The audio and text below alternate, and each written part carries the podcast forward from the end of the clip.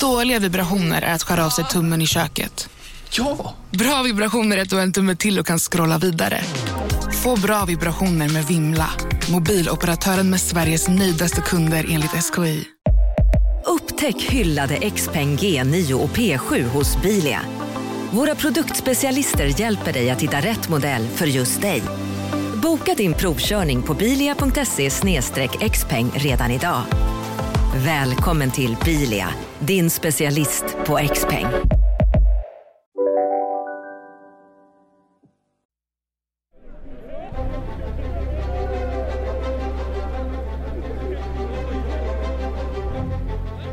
Making the commitment to come here and play for Sierra Leone, it's, it's huge. I just knew that I wanted to play for Sierra Leone. Guys on my teams usually play for the U.S. and they're like, "Why didn't you play for the U.S.?" I go, "I don't know. I just want that feeling to wear green, white, and blue." Stadium, how crazy the fans go. I want to feel that. Now we have such a young team and we're ready to play. We're ready to prove that we can do something.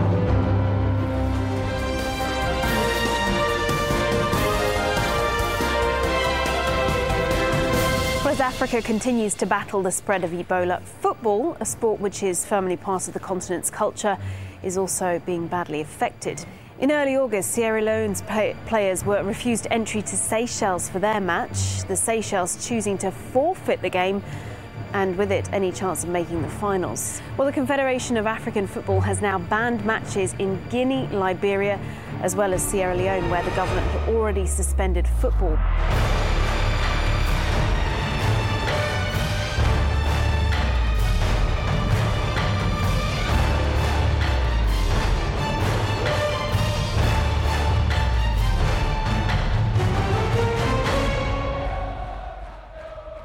Sverige står i den värsta krisen sedan andra världskriget.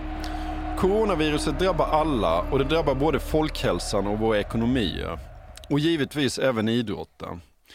Därför tänker vi idag prata om ett land och dess fotboll i epidemins tid. Ja, och jag vet inte hur stora eller hur små paralleller vi egentligen ska dra till Sverige av idag. Men vi ska i alla fall berätta om fotbollen i Sierra Leone under 2014. Och det är ju en historia om vad som händer med både ett land och en idrottsrörelse och för den delen ett enskilt lag och dess specifika spelare i epidemins tid, i det här fallet ebolavirusets tid. Sen är det faktiskt också så att när vi pratar om fotbollen i Sierra Leone så finns där en bihistoria om, ja, jag vill faktiskt påstå det, den fotbollsnation i hela världen som påverkats mer av Sverige än någon annan. Ska vi börja med att prata lite om vad ebola faktiskt är då? Ja, det får vi göra, för det är ju långt ifrån självklart och det här är inte vårt kompetens eller expertisområde, men vi ska väl kunna komma med en någorlunda överskådlig grundgenomgång. Ebola är ju då ett virus som orsakar blödarfeber och det är ett virus som smittar via kroppsvätskor men som har mycket, mycket större dödlighet än till exempel coronaviruset. Och det har ju funnits på jorden i uppemot 45 år.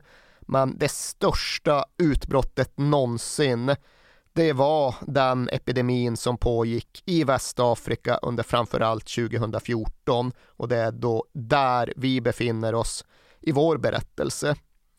Och det tros vara så att ebolans liksom naturliga värddjur är de här jävla flyghundarna som finns det. framförallt i Afrika. Det är väl, jag höll på att säga någon typ av fladdermöss, men i samma ögonblick som jag säger det så inser jag att jag har oerhört dålig koll på de animaliska släkt, släktskapen här. Typ sådana. Det är Ja. ett fladdermusliknande djur, så mycket vågar jag säga. Det här ebolautbrottet, det började i Guinea i december 2013. Sen spred det sig till grannlandet Liberia. Och det som är slående när man tittar tillbaks på vad som egentligen hände med det här sjukdomsförloppet, det är ju att okunskapen kring viruset var ju i stort sett total. Trots att det hade funnits så länge i framförallt Afrika så var det i grund och botten så att människorna där inte visste vad det var för någonting, inte visste hur symptomen tedde sig eller hur man skulle agera för att begränsa spridningen. Det här är ju också löst sammanhållna nationer där en typ av traditionella medicinmän har en väldigt hög status. Det finns en väldig tilltro till dem och deras eh, naturläkemedel och deras eh, krafter för att bota utan att använda vetenskapligt eh, beprövad medicin. Och när ebolan kom till Sierra Leone i maj 2014 så var det just en av de här medicinmännen, i det här fallet medicinkvinnorna, som stod i centrum. Så det var många sjuka som vandrade över gränsen från Guinea till Sierra Leone för att besöka den här kvinnan med kraften. Och hon använde ju rätt mycket örter och brygder snarare än någonting annat och det blev ju tragiskt nog så att eh, utfallet blev tragiskt. Eh, medicinkvinnan själv blev ju smittad och dog ganska snabbt. Och det som sedan hände var att folk vallfärdade till hennes begravning och här uppstod det stora, den stora smittspridningen. För ebola har ju tydligen den här diaboliska egenskapen att den smittar i nästan lika hög utsträckning från en död kropp som från en levande. Och i Sierra Leone och flera av grannländerna finns det dessutom en tradition där man tvättar kroppen och förbereder kroppen och liksom verkligen hanterar kroppen innan begravningen är slutförd. Och det här fick konsekvensen att 365 separata dödsfall i ebola går att spåra tillbaka till den här begravningen av den upphöjda medicinkvinnan. Ja, för att om jag får skjuta in det, alltså, så för att jag lyssnade på en eh, norsk kvinnlig eh, specialist runt ebola. Hon kallar det för kärlekens och omtankens virus. Just det här du säger att man tvättar kroppar, att man kommer i kroppskontakt. De som tar hand om människor drabbas av för att du, du, du måste ha liksom beröring och du, du måste komma åt de här kroppsvätskorna. Liksom. Och det där är ju såklart ologiskt på ett sätt. Det går emot någon form av humanitär natur att just omsorg och omtanke ska få konsekvenser som innebär att ett dödligt virus sprider sig snabbare och snabbare och snabbare. Men det var ju det som hände i Sierra Leone efter just den här specifika begravningen. Och Sierra Leone är ju likt många av grannationerna ett väldigt hårt prövat land, ett väldigt hårt prövat folk som tätt inpå detta har tvingats gått igenom ett brutalt och långvarigt inbördeskrig. Men det medförde ju någonstans ändå att det fanns någon form av psykologisk beredskap mot det synliga hotet. Det här var ett folk som någonstans hade vant sig vid att se rebelltrupper komma marscherande vid horisonten. Men de var ju inte vana vid att slåss mot en osynlig fiende mm. som de inte hade en aning om hur de skulle bekämpa och det innebar någonstans att det psykologiska läget blev ännu svårare. Det var närmare till paniken som konsekvens av detta än det hade varit under stora delar av det här inbördeskriget. Today is a very important day for Sierra Leone. We have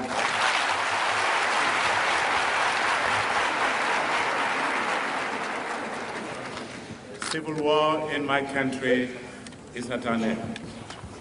And we have all resolved that never again shall we resort to violence to settle matters of political importance. Ska vi gå in lite på landet Sierra Leone då? Vad, vad är det för land och vad är det för historia?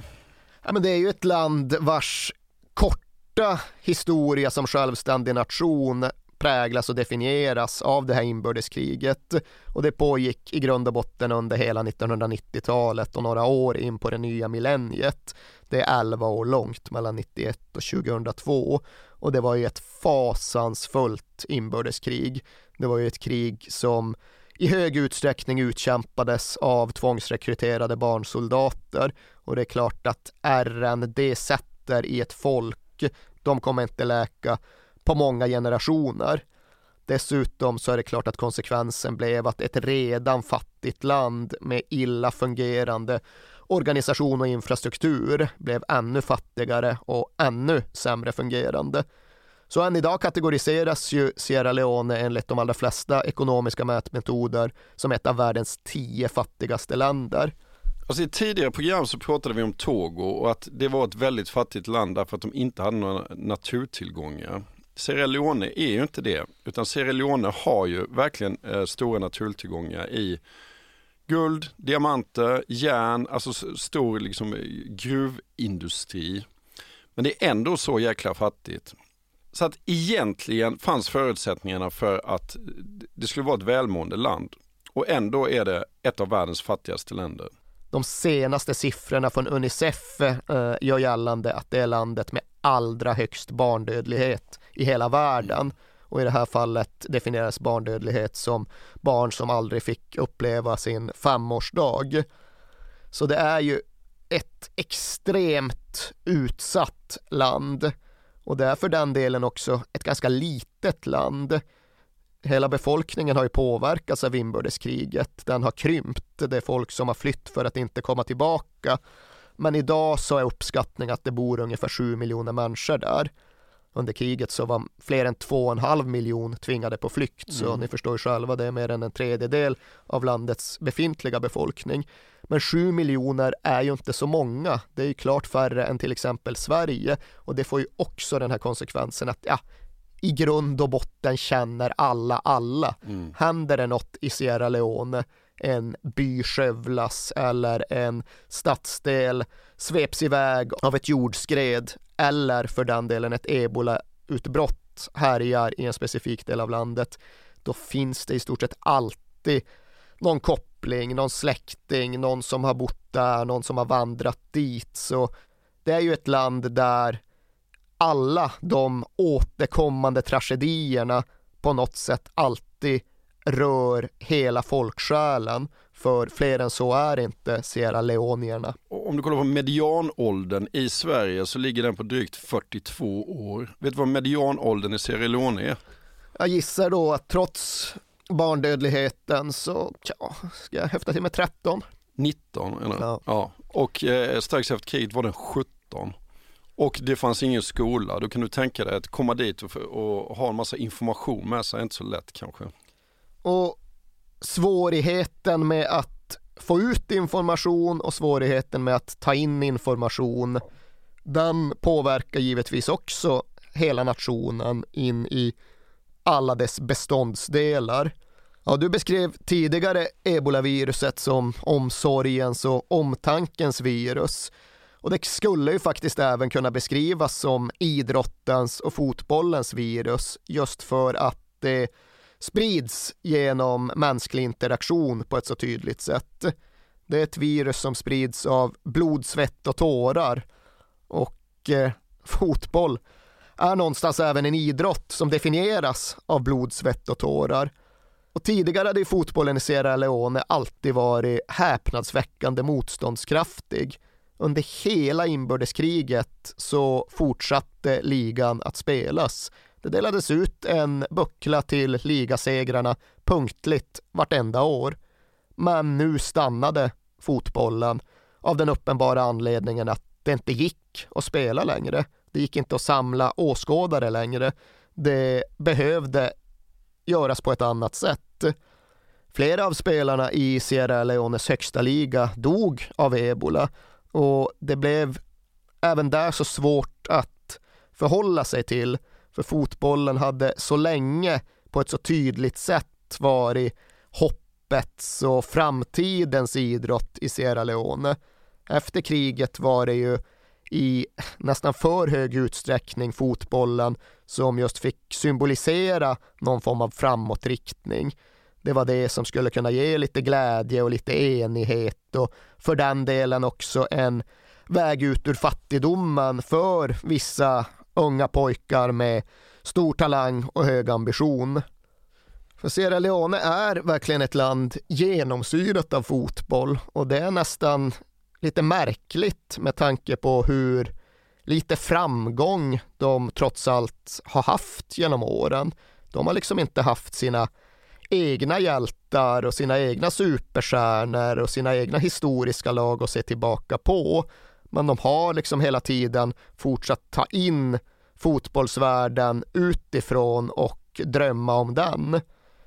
Det är verkligen liksom påtagligt för den som tittar på ett lag i Sierra Leone och det spelar egentligen ingen roll ifall det är ett litet pojklag eller ett elitlag, att så gott som alla spelare där kommer ju ha ett smeknamn som är taget från den stora fotbollsvärlden. De har sitt vanliga namn, men sen har de också någon storspelares smeknamn. Liksom valfritt lag i den Sierra Leonska högsta ligan har en Lampard, de har en Drogba, de har en Gerard, de har en Ronaldo. Det är bara att titta på de mest välkända spelarna som kommit från Sierra Leone till Sverige för att på något sätt åskådliggöra det här.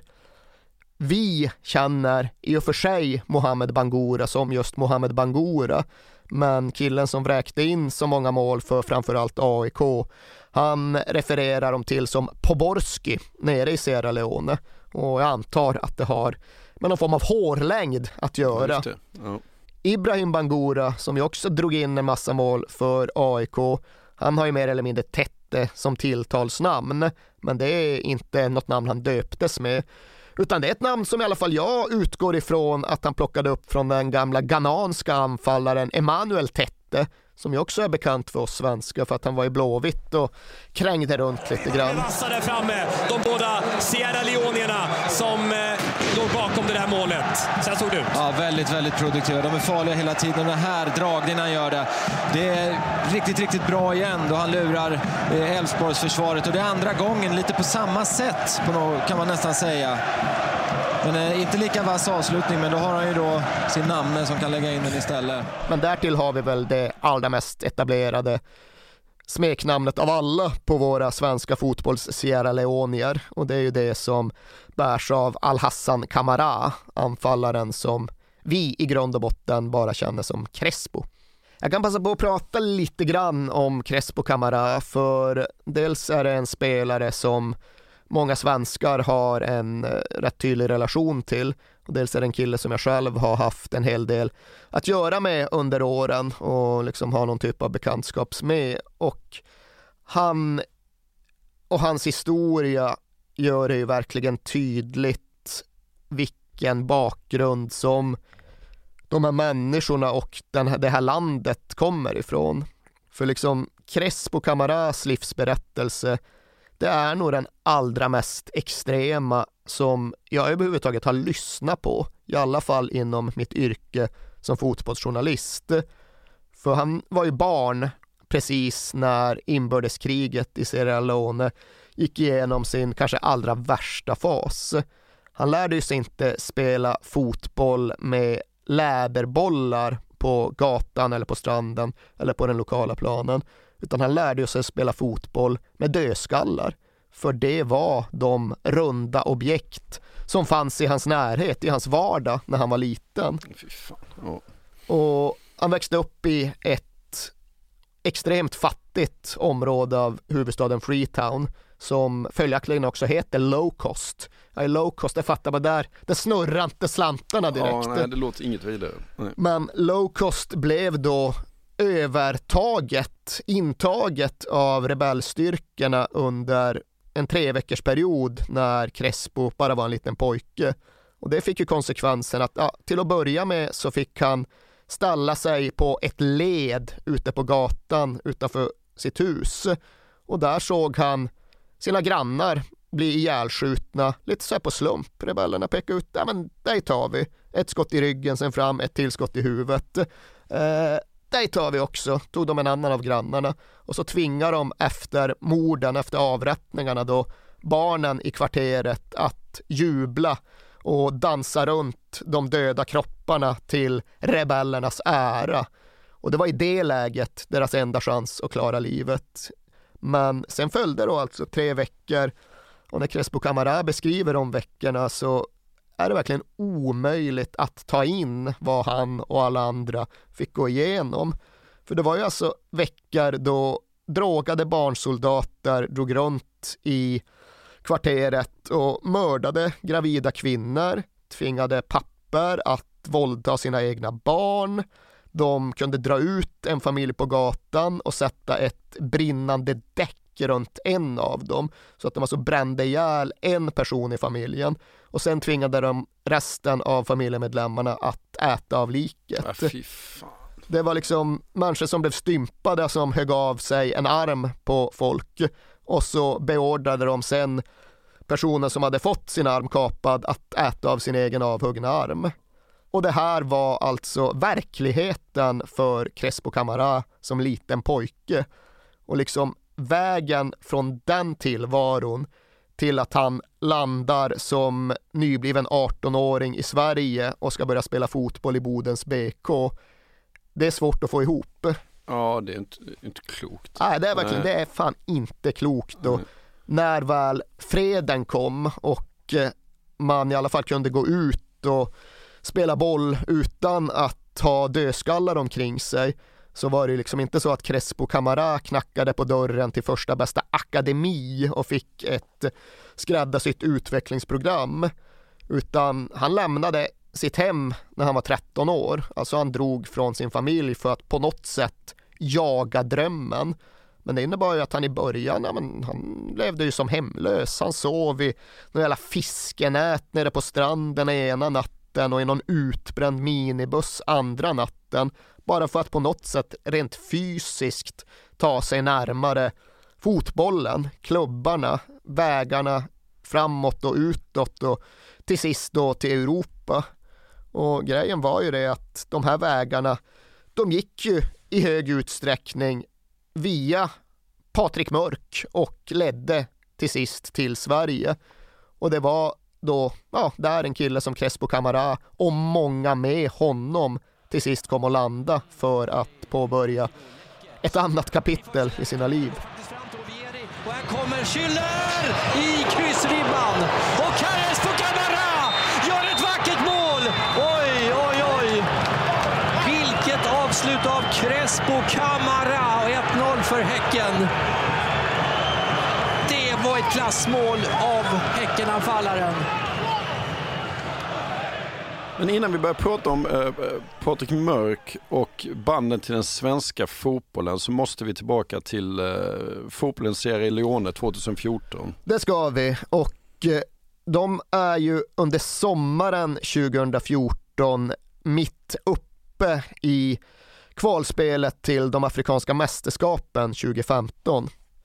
Och i mitten av juli 2014 så besegrar de Seychellerna i en av kvalrundorna och det är när de sen ska åka till Seychellerna för returen som ja, allt hinner ikapp dem. För de kommer ju aldrig fram till Seychellerna. De eh, fastnar på flygplatsen i den kenyanska huvudstaden Nairobi och de kommer inte vidare. Mellan passkontrollen och bagagebanden så försätts rätt och slätt Sierra Leones landslagsspelare i karantän. De visas in i ett litet rum och sen får de sitta där i en halv dag medan maktmännen runt och ovanför dem påbörjar någon form av förhandlingar kring vad som egentligen ska hända. För spelarna sitter där och de har inga eh, wifi och det finns inga eluttag och de har liksom ingen möjlighet att kommunicera med omvärlden. Medan Seychellerna ja, rätt och slätt meddelar att vi tänker inte ta emot några fotbollsspelare från Sierra Leone för det finns ebola i Sierra Leone. Seychellerna har ju någon form av status som semesterparadis och eh, den huvudsakliga avvägningen var väl egentligen hur det skulle se ut och vad det potentiellt skulle innebära för turismen än någon faktisk oro för smittspridning.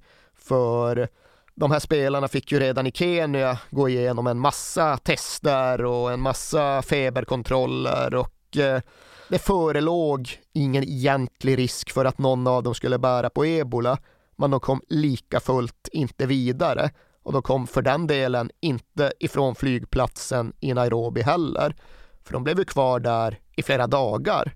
Men de hade ingen annanstans att ta vägen.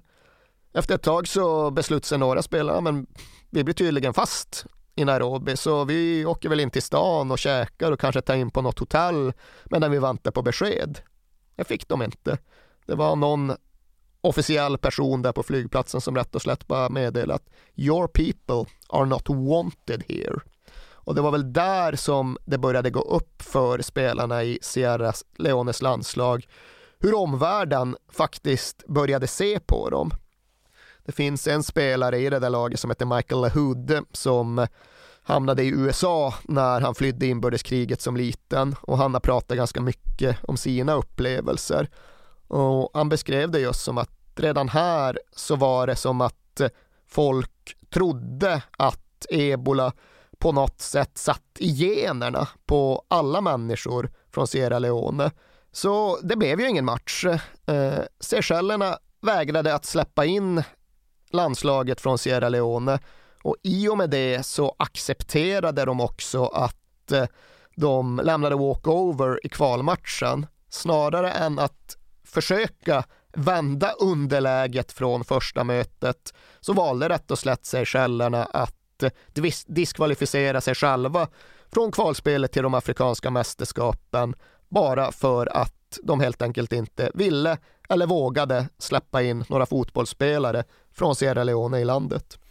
Om jag får vara lite djävulens advokat här så eh, även om eh, spelarna är 100% friska så, så, förstår jag ju ändå att har jag ett semesterparadis och förknippas med Sierra Leone så är inte det bra. Nej, och det är ju i dessa tider verkligen enklare än någonsin att förstå sig på någon liksom better, that, better safe than sorry policy. Att ja, men, vi tar inga risker och ifall det innebär att vi kastar en fotbollsmatch över bord så får väl det vara. Ifall det innebär att vi sårar några fotbollsspelare från Sierra Leone mentalt, ja då får det väl också vara så. Så jag kan såklart förstå liksom bara ryggmärgsmekanismen att ja, men här tar vi inga risker överhuvudtaget. Det är möjligt att det överhuvudtaget inte föreligger några sådana, men vi bemödar oss inte med att ta reda på det. Det är ju på ett sätt begripligt, det kanske på ett sätt till och med är rekommendabelt, men jag tror väl just bara att i den mån det finns en sensmoral i den här historien som kommer fortsätta att veckla ut sig under hela hösten 2014, då är det väl den kring vad som händer med människor som blir brännmärkta, som blir någonstans betraktade mm. som paria. För än en gång, de här fotbollsspelarna från Sierra Leone, det förelåg faktiskt ingen risk överhuvudtaget att de bar på någon ebola för den som tittade lite närmare. För visserligen var det så kring den här matchen som skulle spelas i Seychellerna. Det fanns någon spelare i truppen som faktiskt var hemmahörande i Sierra Leone. Men alla andra matcher som de skulle spela, då bestod truppen enbart av spelare som inte var baserade i Afrika. Nej. Truppen bestod enbart av spelare som inte hade besökt Sierra Leone på mer än ett år, Nej. som överhuvudtaget inte hade kommit i kontakt med nationen, regionen, världsdelen där ebolasmittan spreds. Så det fanns liksom ingen logik, ingen rim och reson i att de skulle misstänkliggöras för att eh, bära på ebolaviruset, förutom att de var etniska Sierra Leonier, ja. att de hade Sierra Leone i sina pass, att de representerade nationen Sierra Leone. Men det är där det verkligen skär sig. Det räcker med att man har den vetskapen för att inse att här finns det ju ingen fara överhuvudtaget med att spela fotbollsmatcher. Det enda man gör ifall man avsäger sig den möjligheten, det är ju just att stämpla allt från, i det här fallet Sierra Leone, som pestsmittat. Och det tror jag ju liksom inte gynnar medmänskligheten eller solidariteten eller för den delen den korrekta bilden av en smittspridning och ett sjukdomsförlopp överhuvudtaget. Det bidrar ju i mycket högre utsträckning till någon form av obefogad beröringsskräck och i förlängningen någon risk för en sorts samhällelig panik. Hon den här norska specialisten beskrev igår att ett exempel tog hon att det var ett flygplan eh, på Gardermoen i Oslo under den här tiden som stoppades i två och en halv timme därför att en svart man hade hostat på flygplanet. Han hade liksom, det fanns inget annat än att han var svart och hostade och då, ja, det kan vara ebola. Ja, nej men återigen i dessa tider så går det ju verkligen att ha respekt för just eh, inga som helst risker ska tas-principen. Eh, jag förstår att den bör vara överordnad. Men i just det här fallet med Sierra Leones landslag så var det ju så enkelt att bara konstatera att ja, men här finns det ingen risk. Nej. Det är 20 fotbollsgrabbar som har levt i Europa eller i USA under hela det senaste året. Ingen har varit i Sierra Leone på mer än ett år. Mm. Så liksom vad är i det läget problemet? Och så hårt belastad var ju inte liksom Seychellernas eh, utrikes eller inrikesministerium att de inte kunde ta in den informationen. Det är liksom okej, okay, den presenteras, den läggs fram. Det går att hantera och sortera in den, även om man samtidigt också måste ta hänsyn till en massa annat. För jag tycker ju att vet man bara det så är någonstans diskussionen slut. Då krävs det inte en massa karantän. Då krävs det inte några stängda gränser och då krävs det inte några bortvända ryggar. Då är det ju bara att eh, köra på och spela fotboll för det är klart att eh, det inte är någon större risk att göra det någon annan gång någon annanstans i världen.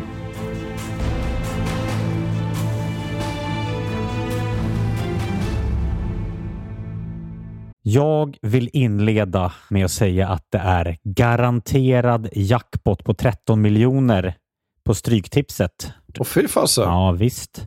Skulle du behöva 13 miljoner eller? Ja, det skulle jag verkligen. Men vi måste säga först att vi är ju sponsrade av Stryktipset. Ett spel från Svenska Spel, Sport och Casino för dig över 18 år. Yes, och stödlinjen.se finns där för dig om du har problem med ditt spelande. Nej, men 13 miljoner ja. jackpot på Stryktipset, det är ju inte fel. Nej, då är det faktiskt dags att ladda en rejäl rad här känns det mm -hmm. som. Mhm. Vet du vad som inte heller är fel? Nej. Födelsedagsfirandet och alla härliga mm. historier vi får in. Exakt, mm. för vi är ju mitt inne i Stryktipsets 90-årsfirande som vi firar med att läsa upp fantastiska historier från våra lyssnare yes. som skickar in dem till kings at perfectdaymedia.se. Precis, bomba på nu. Det är åtta månader kvar på det här firandet, så att, eh, vi kör nu. Mycket Stryktipshistorier vill vi ha mm. och i dagens har vi fått från Peter som skriver så här.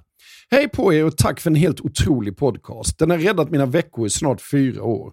Tack så mycket Peter. Min historia är ganska färsk, men den om när det vände på stopptid gav kanske inte de största pengarna, men känslan i mig består. Jag spelar ofta för lite mindre pengar på Stryket, följer fotbollen men är långt ifrån en nörd. Och allt såg väldigt bra ut senast, förutom på min etta på Manchester United mot Brentford. Mm -hmm. Var ändå väldigt, eh, var ändå väldigt nöjd med hur resten satt. Men på stopptid satte min nya favoritspelare, skotten McTominay, två mål och vändningen fullbordades. 64 rader blev 12 000 kronor. Tack för en bra podd. Det är podd. otroligt. Ja. Tack för en bra historia Peter. Ja, och som man älskar Scott McTominay. Gör man inte det? Ja, det gör man faktiskt. Han liksom kommer in i straffområdet jävligt bra faktiskt. Mm. Vi säger stort tack till våra vänner på Stryktipset. Tack.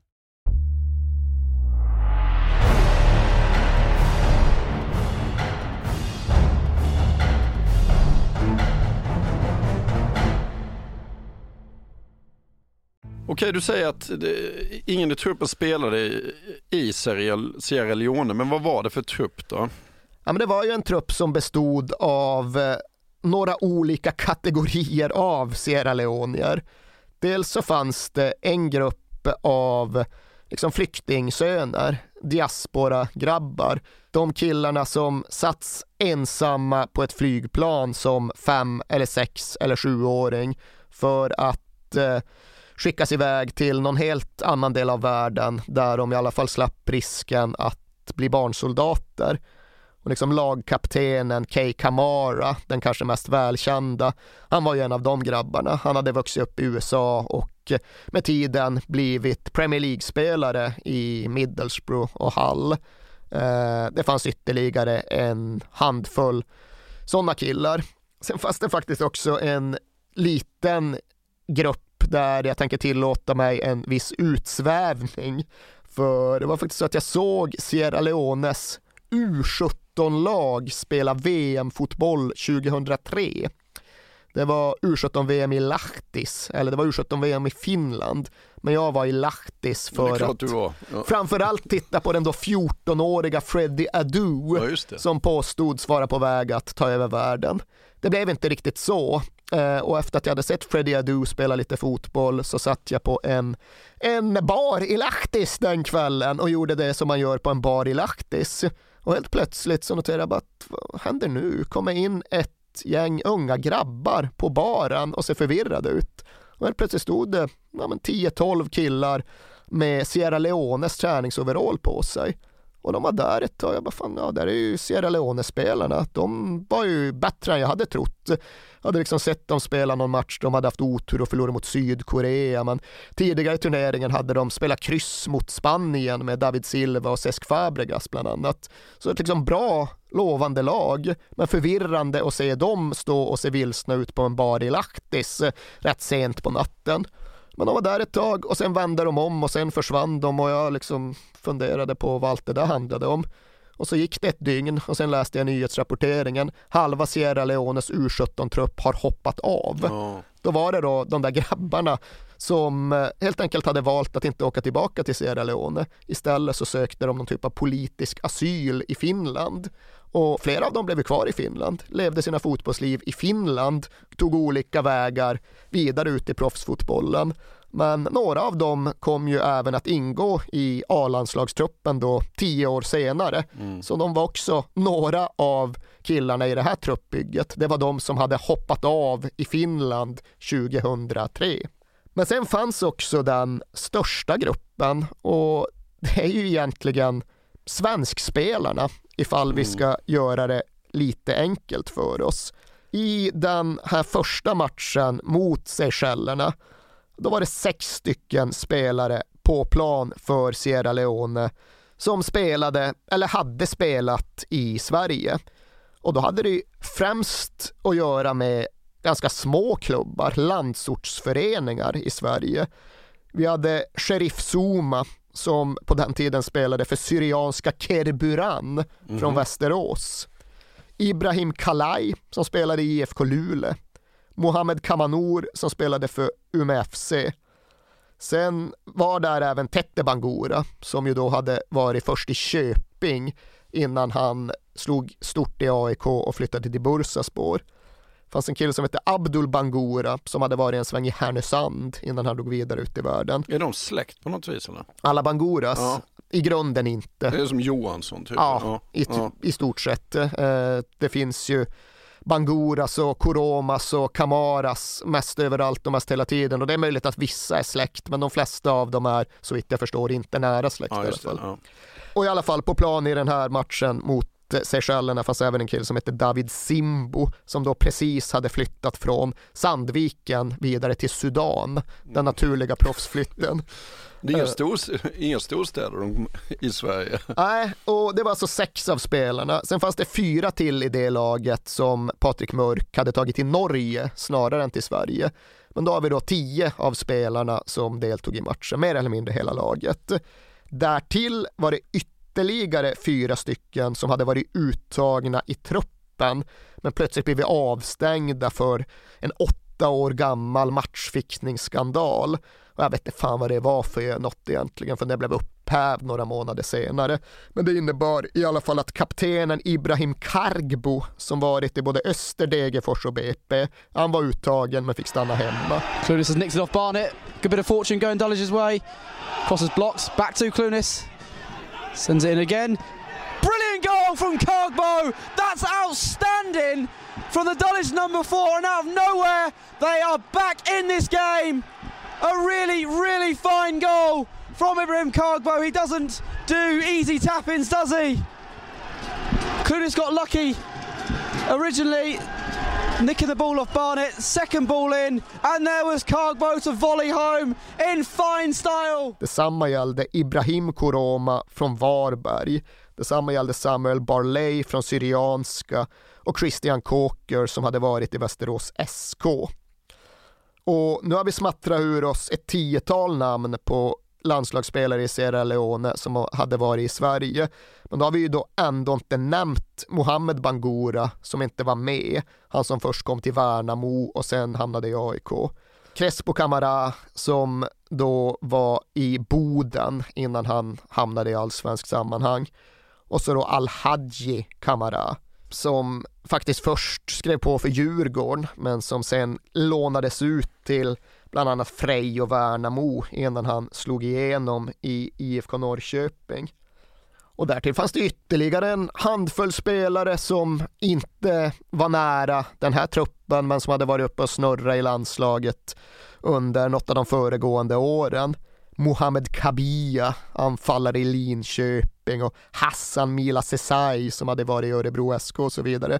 Och ni hör ju själva, vi har vid ett enda givet tillfälle, sommaren, hösten 2014, uppemot 20 man som hade fått någon typ av genombrott eller någon typ av inslussning i den svenska fotbollen och sedan utgjorde Sierra Leones landslag.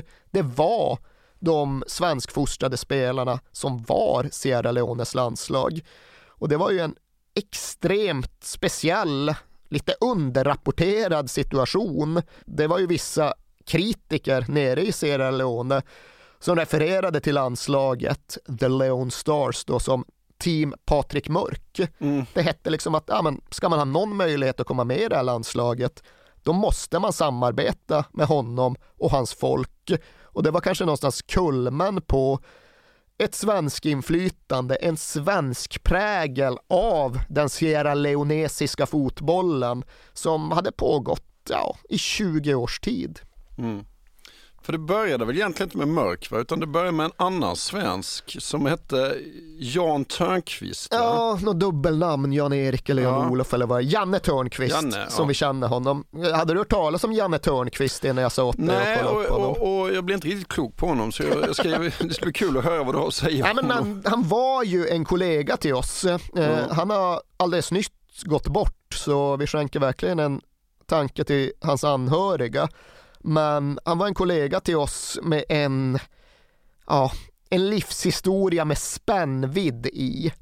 Uh, för okej, okay, han jobbade både på Kvällsposten och på GT, men mest känd var han väl som chefredaktör på FIB-aktuellt. Jaha. Och vi behöver inte värdera det faktumet överhuvudtaget, men vi kan konstatera att när Janne Törnqvist publicerade sina memoarer vilket han såklart gjorde här om året, så var det en innehållsrik bok. Eh, liksom den här typen av Tintin-liknande liv som man verkligen undrar ifall allt är sant eller om det var de som har suttit på kammaren och hittat på sjörövarskrönor. Men Janne Törnqvist, han levde. Han var jag... jag... Jag ska bara säga att jag läste någonstans att han hade suttit och ölat med en schimpans. Ja, ja, det var någonting. Han hade ätit på något flytande bord i Thailand och det här var ju långt innan Thailand blev en svensk semesterdestination. Och då hade då serveringen till det här flytande bordet skötts av en schimpans som blev allt mer packad ju längre kvällen pågick för det var någon som hällde i schimpansen en massa sprit. Mm. Så absolut, Janne Törnqvist han blev serverad av en berusad apa vid ett flytande bord i Thailand. Han blev även jagad av den kinesiska maffian under någon del av sitt liv. Men han har även spelat fotboll med Pelé i någon brasiliansk park 1970. Mm. För han var inte bara en journalistiken och äventyrens man. Han var i högsta grad en fotbollens man. Ja. Österanhängare eh, som han var och förblev. Men han var därtill en sorts rådgivare åt den militärjunta som styrde Sierra Leone under en period i mitten av de här inbördeskrigen. Alltså jag måste läsa de där memoarerna. ja, det bör du faktiskt göra. Och bara det faktum att det fanns den där militärjuntan får väl skjuta in en snabb passus om. För det var en fas av inbördeskriget då den regeringstrogna armén blev så jävla missnöjd med sin egen regering att de helt enkelt avsatte den. Fan, vi får inga förnödenheter, det sköts inte ordentligt när vi ska bekämpa rebellerna. Det måste bli ordning i presidentpalatset. Så då var det en grupp ganska få och ganska unga och ganska lågt rankade militärer som bara marscherade in till presidentpalatset och rensade upp där och tog makten. Och det innebär, innebar att en herre som hette Valentin Strasser blev Sierra Leones nya statschef. Och grejen där är att han var varken särskilt erfaren eller särskilt högt i rang eller någonting. Han var 25 år gammal och kapten. Och liksom kapten, det är ju ingenting att luta sig mot i det militära. Mm. Så det var liksom bara en, en kille från armén som helt mm. plötsligt mm. blev världens yngsta statschef. 25 år gammal så blev han Sierra Leones eh, högsta beslutsfattare. Och med honom brukade då Janne Törnqvist sitta på läktaren på matcherna i Freetown och liksom konversera, samtala och rådslå. Mm och, det började... jag var tvungen att... Alltså, hur, hur kunde det bli så? liksom, det, det räcker inte med att bara säga att det var så, men hur kunde det bli så? Och det var tydligen ett par år tidigare då Expressen skrev en seriereportage om livet i inbördeskrigets Sierra Leone. Det Handlade även om liksom fattigdomen och fotbollen i Sierra Leone. Och då läste Janne Törnqvist de här artiklarna och som sagt han var dels journalist, han var dels fotbollsman så han var ordförande i Spånga IS vid den här tiden mm. och läste bara artiklarna och tyckte fan det här verkar ju för jävligt, det här måste vi göra något åt. Så då hade han liksom så insamlingar, skramla ihop alla gamla avlagda bollskor och liksom oanvända bollar och skickade ner till Sierra Leone i olika containers och följde själv med och liksom såg till att grejerna hamnade rätt och då började han då få kontakter med makthavarna som styrde Sierra Leone på den tiden och på den vägen var det när han sen satt på läktaren med den här Valentin Strasser och pekade och bestämde. Och jag ska inte skjuta in för många namn på obskyra makthavare i 90-talets Sierra Leone. Men det finns ändå ett namn som det är bra ifall ni tar in och lägger på minnet. Central i just den här episoden var en herre som hette Paul Camara. Han var journalist i Sierra Leone. Han var en huvudperson i de här reportagen som skrevs i Expressen och han blev absolut någon typ av mellanhand när fotbollen i Sverige skulle fogas ihop med fotbollen i Sierra Leone. Men återigen, mitten av 90-talet och det här är inte bara en tid då inbördeskriget rasar i Sierra Leone. Det här är också en tid då fotbollen där avtäcker sin största diamant någonsin ifall parallellen tillåts. Den 22 april 1995 spelar Sierra Leones landslag en avgörande kvalmatch mot Kongo-Brazzaville. De spelar för möjligheten att kvalificera sig till de afrikanska mästerskapen. Och i början av andra halvlek gör en grabb som heter Mohamed Kalon 1-0 för Sierra Leone. Och Mohamed Kalon var vid det tillfället 15 år gammal. Han hade vunnit skytteligan som 13-åring i Sierra Leones högsta liga. Och jag vet, jag vet, jag vet, det kommer finnas invändningar och reservationer mot huruvida hans födelsedatum var helt korrekt mm. eller inte. Men han kom att få en lång och förhållandevis glittrande karriär så han kan inte ha varit så där oerhört långt ifrån den uppgivna åldern ifall den inte var helt korrekt.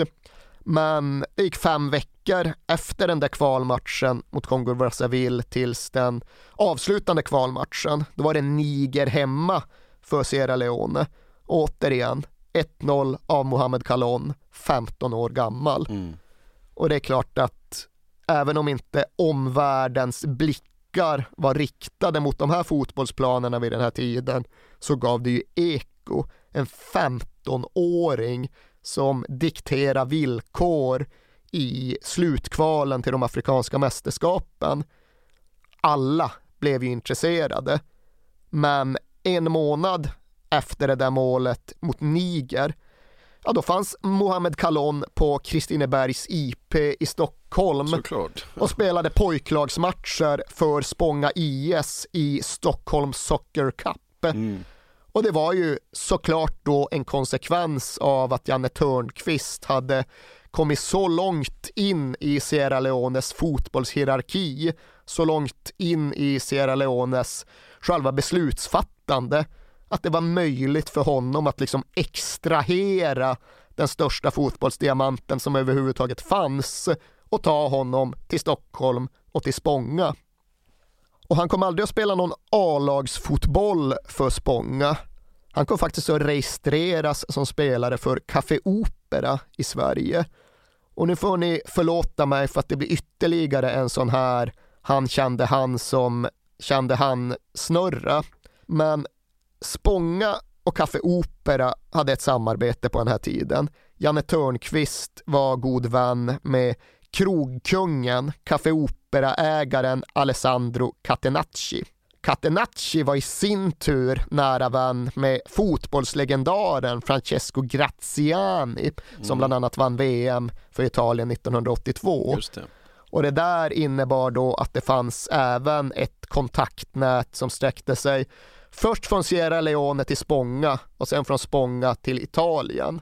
Och det fick konsekvensen att Mohamed Kalon registrerades som spelare för Café Opera för att sedan göra en övergång från Café Opera till självaste Inter. Mm. Det var ju, det är en ganska det är en speciell typ av övergång från Café. Opera Ja. till Inter. Ja. Mohamed Kalon 15 år gammal.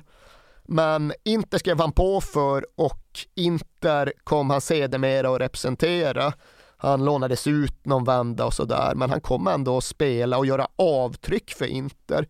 Han gjorde ju bevisligen 50 mål i Serie A och i början av 2000-talet så spelade han liksom dubbla Champions League-semifinaler för Inter. Så han var ju på riktigt, Mohamed Kalon. E questo che stiamo rivedendo è il preludio al gol interista che arriva a due minuti dal 45esimo. Un gol firmato da Callon al suo settimo centro in campionato che però è tutto un programma. Tiri tentati e mancati, rimpalli di ogni tipo e alla fine ecco l'attaccante della Sierra Leone che mette dentro spezzando così l'equilibrio della gara. Il classico gol di confusione insomma che per quanto si è visto in questo primo tempo premia l'Inter al di là dei meriti e punisce la Fiorentina al di là dei demeriti. Och det var inget dåligt lag, det var ju inte under Vieri, Recoba, Ja, Ronaldo. Ronaldo. Ja. Ja, nej, de hade en del skadeproblem, men Ja. han hävdade sig väl i den konkurrensen. Men vi släpper iväg Mohamed Kalon ett tag och vi blir kvar i de här banden och de här nätverken som knöt ihop främst Sverige och Sierra Leone. För det var inte bara Mohamed Kalon som var i Sverige den här sommaren 1995, utan det var faktiskt hela Sierra Leones landslag. Janne Törnqvist hade på något sätt övertalat Valentin Strasser och idrottsministeriet som styrde landslaget att det är klart att ni ska ladda upp i Sverige inför Afrikanska mästerskapen 1996. Det var ett drygt halvår kvar. I Afrika så spelades ju kontinentalmästerskapen i januari, så ett halvår innan det, lite knappt, så då landade Sierra Leones landslag i Sverige. De skulle matcha mot bland annat Degerfors och Djurgården, men de hade inte med sig någon tränare. Och det tänkte jag, men det löser Janne Törnqvist och hans polare. Och från början var det några olika namn på tal, bland annat killen som tränade Spånga IS då. Men till sist blev det en 32-åring som hette Roger Palmgren som fick eh, uppdraget att ta hand om Sierra Leones landslag under, vad ska vi kalla det här uppladdningslägret, den här träningsturnén. Och det gjorde han och folk tyckte tydligen att det gick rätt bra för de blev ju inte utspelade av vare sig Degerfors eller Djurgården. Så när det där skulle knytas samman och när det verkligen skulle göras ett avstamp mot de afrikanska mästerskapen, ja men då bestämde Janne Törnqvist och Valentin Strasser och eh, idrottsministeriet i Sierra Leone att men, klart Palmgren ska ha jobbet. Ja, det är klart. Så från ingenstans så hette då Sierra Leones förbundskapten Roger Palmgren en 32-åring som från början hade varit liksom spelande tränare för Café Operas korplag. Mm. Nu blev han istället världens yngsta förbundskapten. Och även om Sierra Leones idrottsministerium sanktionerade den här situationen så bemödde de sig inte med att betala för den, utan det var Janne Törnqvist och Sandro Catenacci som pröjsade Roger Palmgrens lön som förbundskapten. För ja, det var den typen av mandat de hade i relation till hela landslagsapparaten. Palmgren inledde sin session som förbundskapten för Sierra Leone med en turnering som hette Västafrikanska mästerskapen. Spelades såklart i Mauretanien. Och ta med tusan om inte Palmgrens pojkar gick och vann hela grejen. Det kanske inte låter så stort att vinna Västafrikanska mästerskapen men för en framgångstörstig fotbollsnation som Sierra Leone så var det tydligen en jättegrej. Mm. Liksom det var hundratusentals människor på gatorna och välkomnade dem tillbaka. Och, ja, Palmgren fick ju ingen lön av kapten Strasser men han fick tydligen en strandtomt istället som Jaha. belöning för den här framgången. Och i januari 1996, ja men då spelade Roger Palmgrens Sierra Leone de afrikanska mästerskapen. De inleder med en premiärmatch mot Burkina Faso och Mohamed Kalon, som vid det laget faktiskt hade hunnit fylla 16, han avgjorde i 89. Och det är faktiskt än idag, krasst uttryckt Sierra Leones största fotbollsframgång någonsin. För de har bara gått till Afrikanska mästerskapen två gånger. Dels 94, då de inte vann en match, och dels då 96 då de faktiskt gjorde det mm. under Roger Palmgren. De vann en match, de var hyfsat nära att gå vidare från gruppen och högre än så har de aldrig någonsin varit. Och sen flyttade Palmgren tillbaka till Sverige, tog över Degerfors och tillsammans med Janne Törnqvist så fortsatte de ju ta spelare från Sierra Leone till Sverige under 1990-talet. Men de fick rätt mycket skit i medierna och rätt mycket kritik för att ja, bedriva en typ av människohandel. Mm. Och rätt eller ej så kom de ju också med tiden att ersättas av andra aktörer.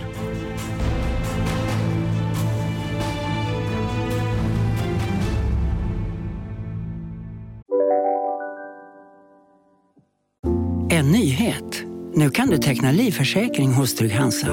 Den ger dina nära ersättning som kan användas på det sätt som hjälper bäst. En försäkring för dig och till de som älskar dig. Läs mer och teckna på trygghansa.se. Trygg Hansa. Trygghet för livet. Hej, Synoptik här. Visste du att solens UV-strålar kan vara skadliga och åldra dina ögon i förtid? Kom in till oss så hjälper vi dig att hitta rätt solglasögon som skyddar dina ögon. Välkommen till Synoptik. På Sveriges största jackpot-kasino går hypermiljonen på högvarv. Från Malmö i söder till Kiruna i norr har hypermiljonen genererat över 130 miljoner exklusivt till våra spelare. Välkommen in till Sveriges största jackpot-kasino, hyper.com. 18 plus, regler och villkor gäller.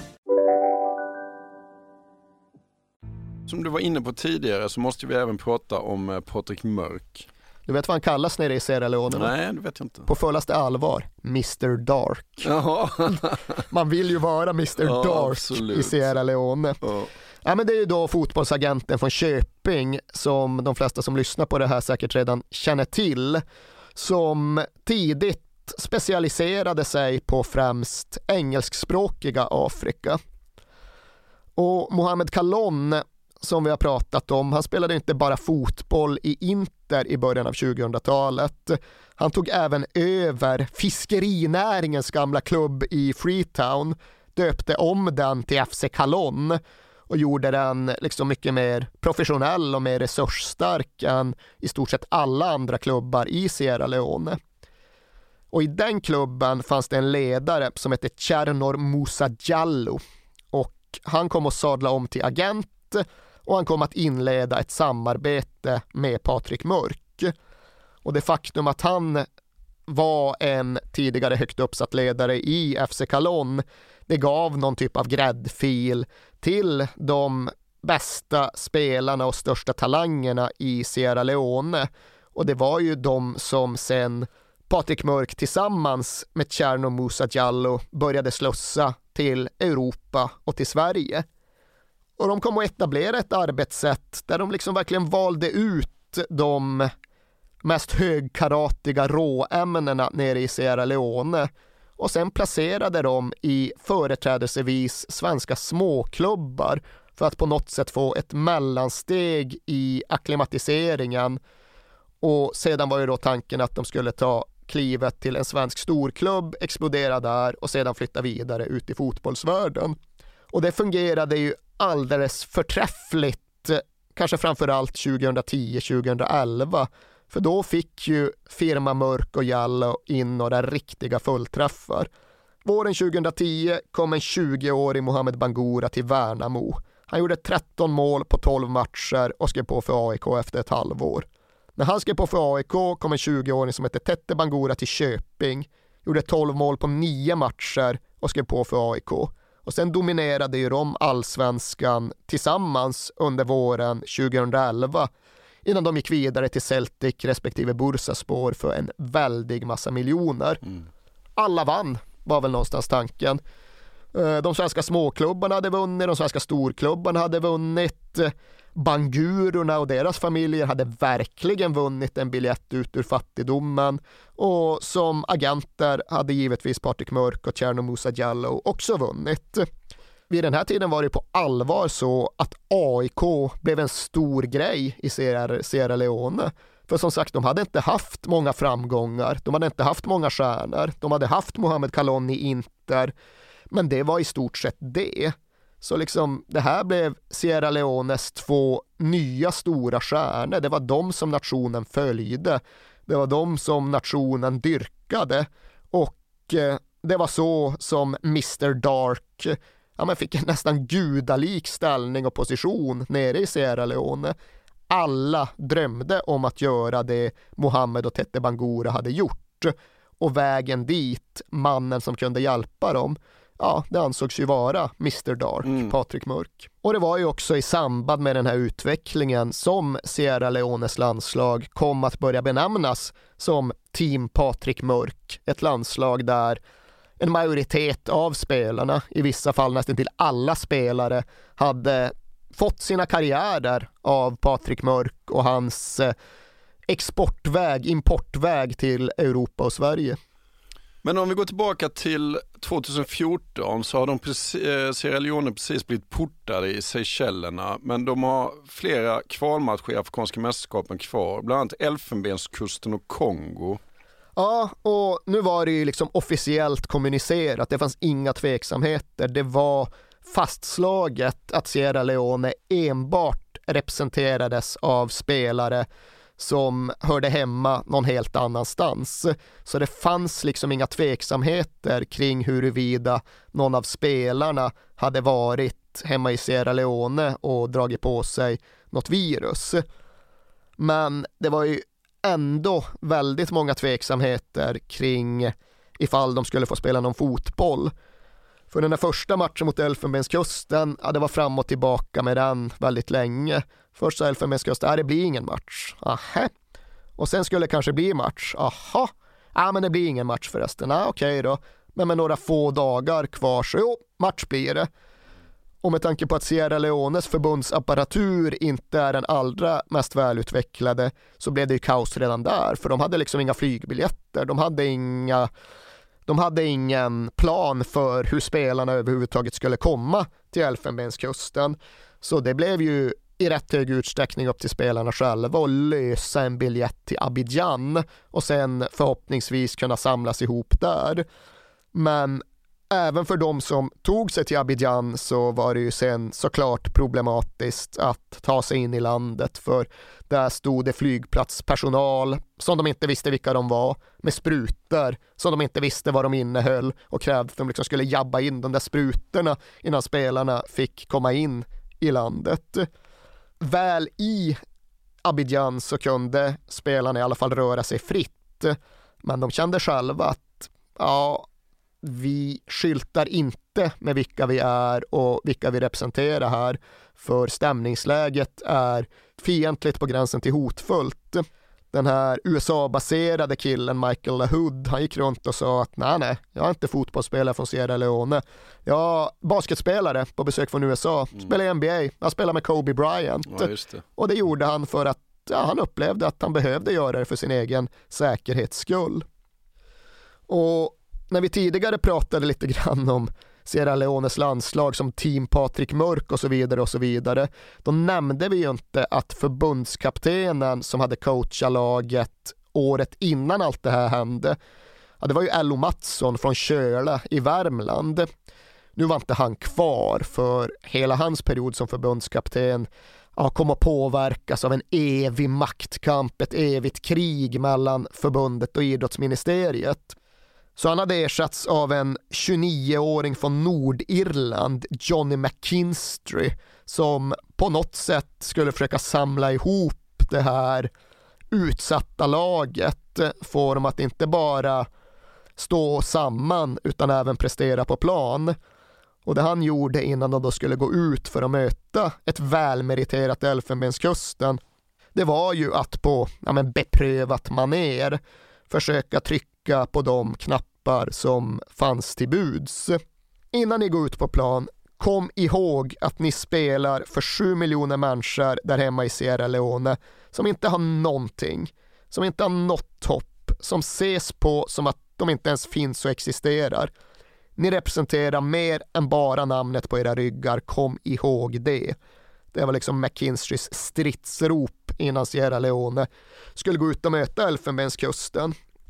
Men det var inte så att de fick skaka hand med Yahya Touré och Salomon Kalou och Wilfried Boni och Serge Aurier och alla de där. Det var bara fistbumps, Mm. det var liksom det enda de kunde tänka sig. Men uppumpade av McKinstreys stridstal måhända så tog de ändå ledningen. De har ledningen mot, Sierra, eller mot Elfenbenskusten borta i mer än en timme. Men sen tappar de, faller och förlorar med 2-1.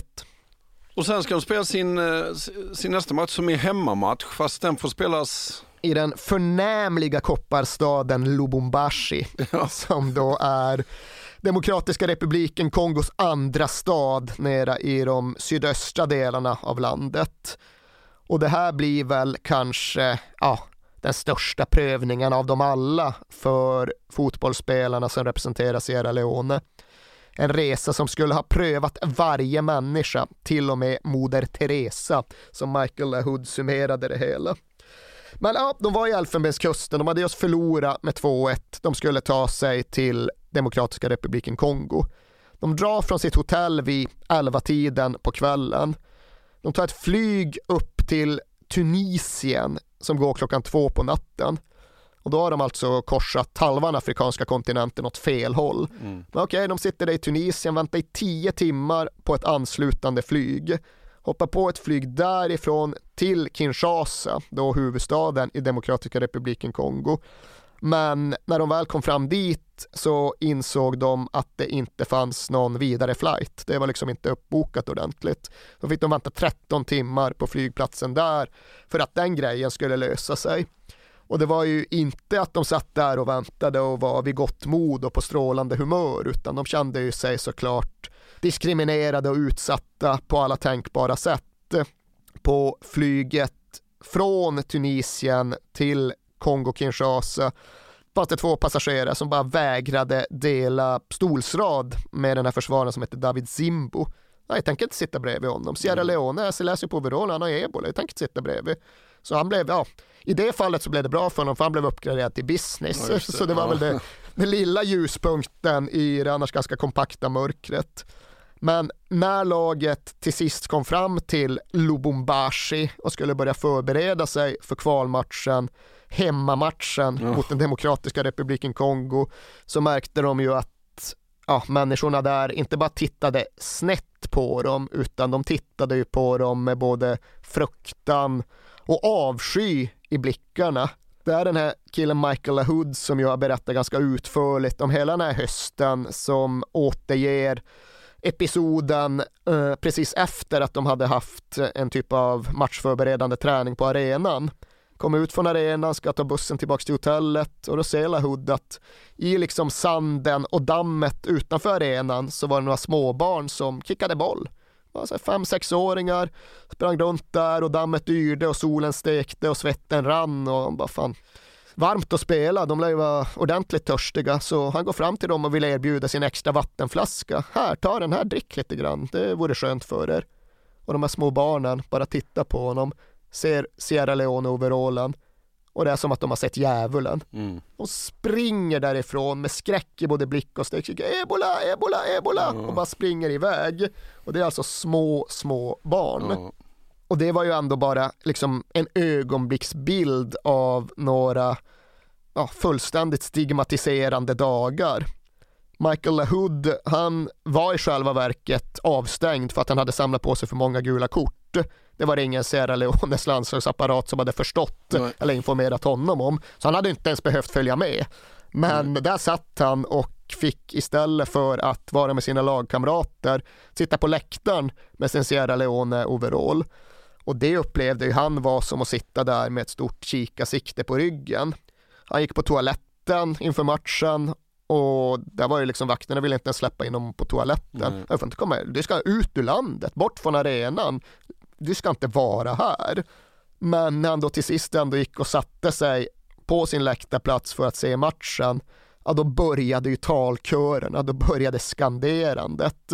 För som inte bara han utan egentligen alla Sierra Leone-spelare återberättat det, så ramas ju hela den här matchen in av att en enad och unison publik under 90 minuter plus skanderar ebola, ebola, ebola gång på gång. Och det här ska då pågått ja, men under precis hela matchen med undantag och uppehåll för några få måljubel. Och lagkaptenen Kay Kamara, han säger att till och med fjärdedomaren gick fram till honom bara för men va- varför tar du inte bara spelarna av planen? Mm. kan inte spela så här. Men av en eller annan anledning gjorde de ändå det. De fullföljde matchen och de förlorade med 2-0. Après avoir loupé des occasions franches, Jérémy Bokila s'illustre à la 88e minute en exploitant d'une bonne manière un service de Mabouati sur la droite et permettant aux siens de prendre une avance confortable sur l'équipe de Sierra Leone. Le deuxième but de Bokila. Coaching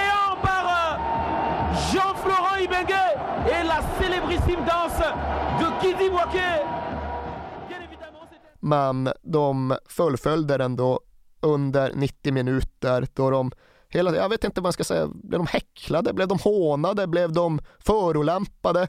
Ja, de blev i alla fall utsatta för 90 minuter av konstant ebola-skrik. Och det här ska ju också sägas att ja, det var ju Demokratiska republiken Kongo. Ebolaviruset är ju döpt efter floden Ebola, Ja, som då är en biflod Ja. till Kongofloden som ligger i Demokratiska republiken Kongo. Och de har sannoliken haft sina ebolautbrott.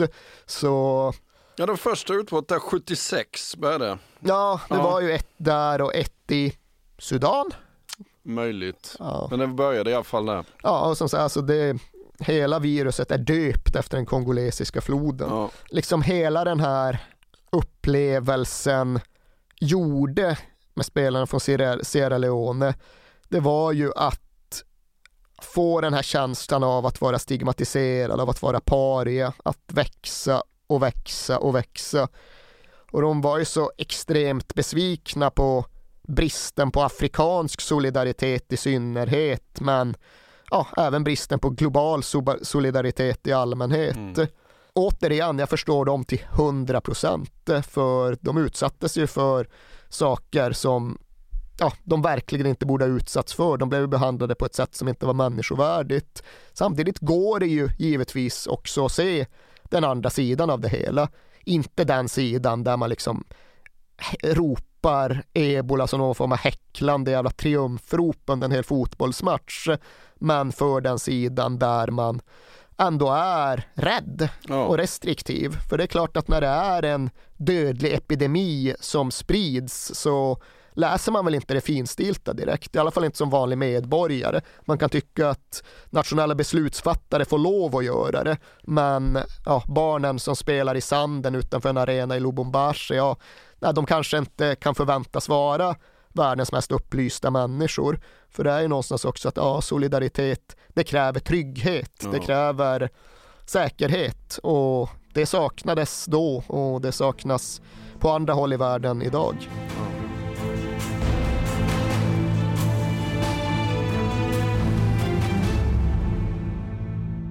Hur var det med spelarna här mellan matcherna då? Det var ju inget vidare för dem egentligen vart de än kom. För det var ju ofrånkomligen så att det fanns en, en rädsla för vad som hände i Sierra Leone vid den här tiden. Det var det land i hela världen där ebolan spriddes som snabbast.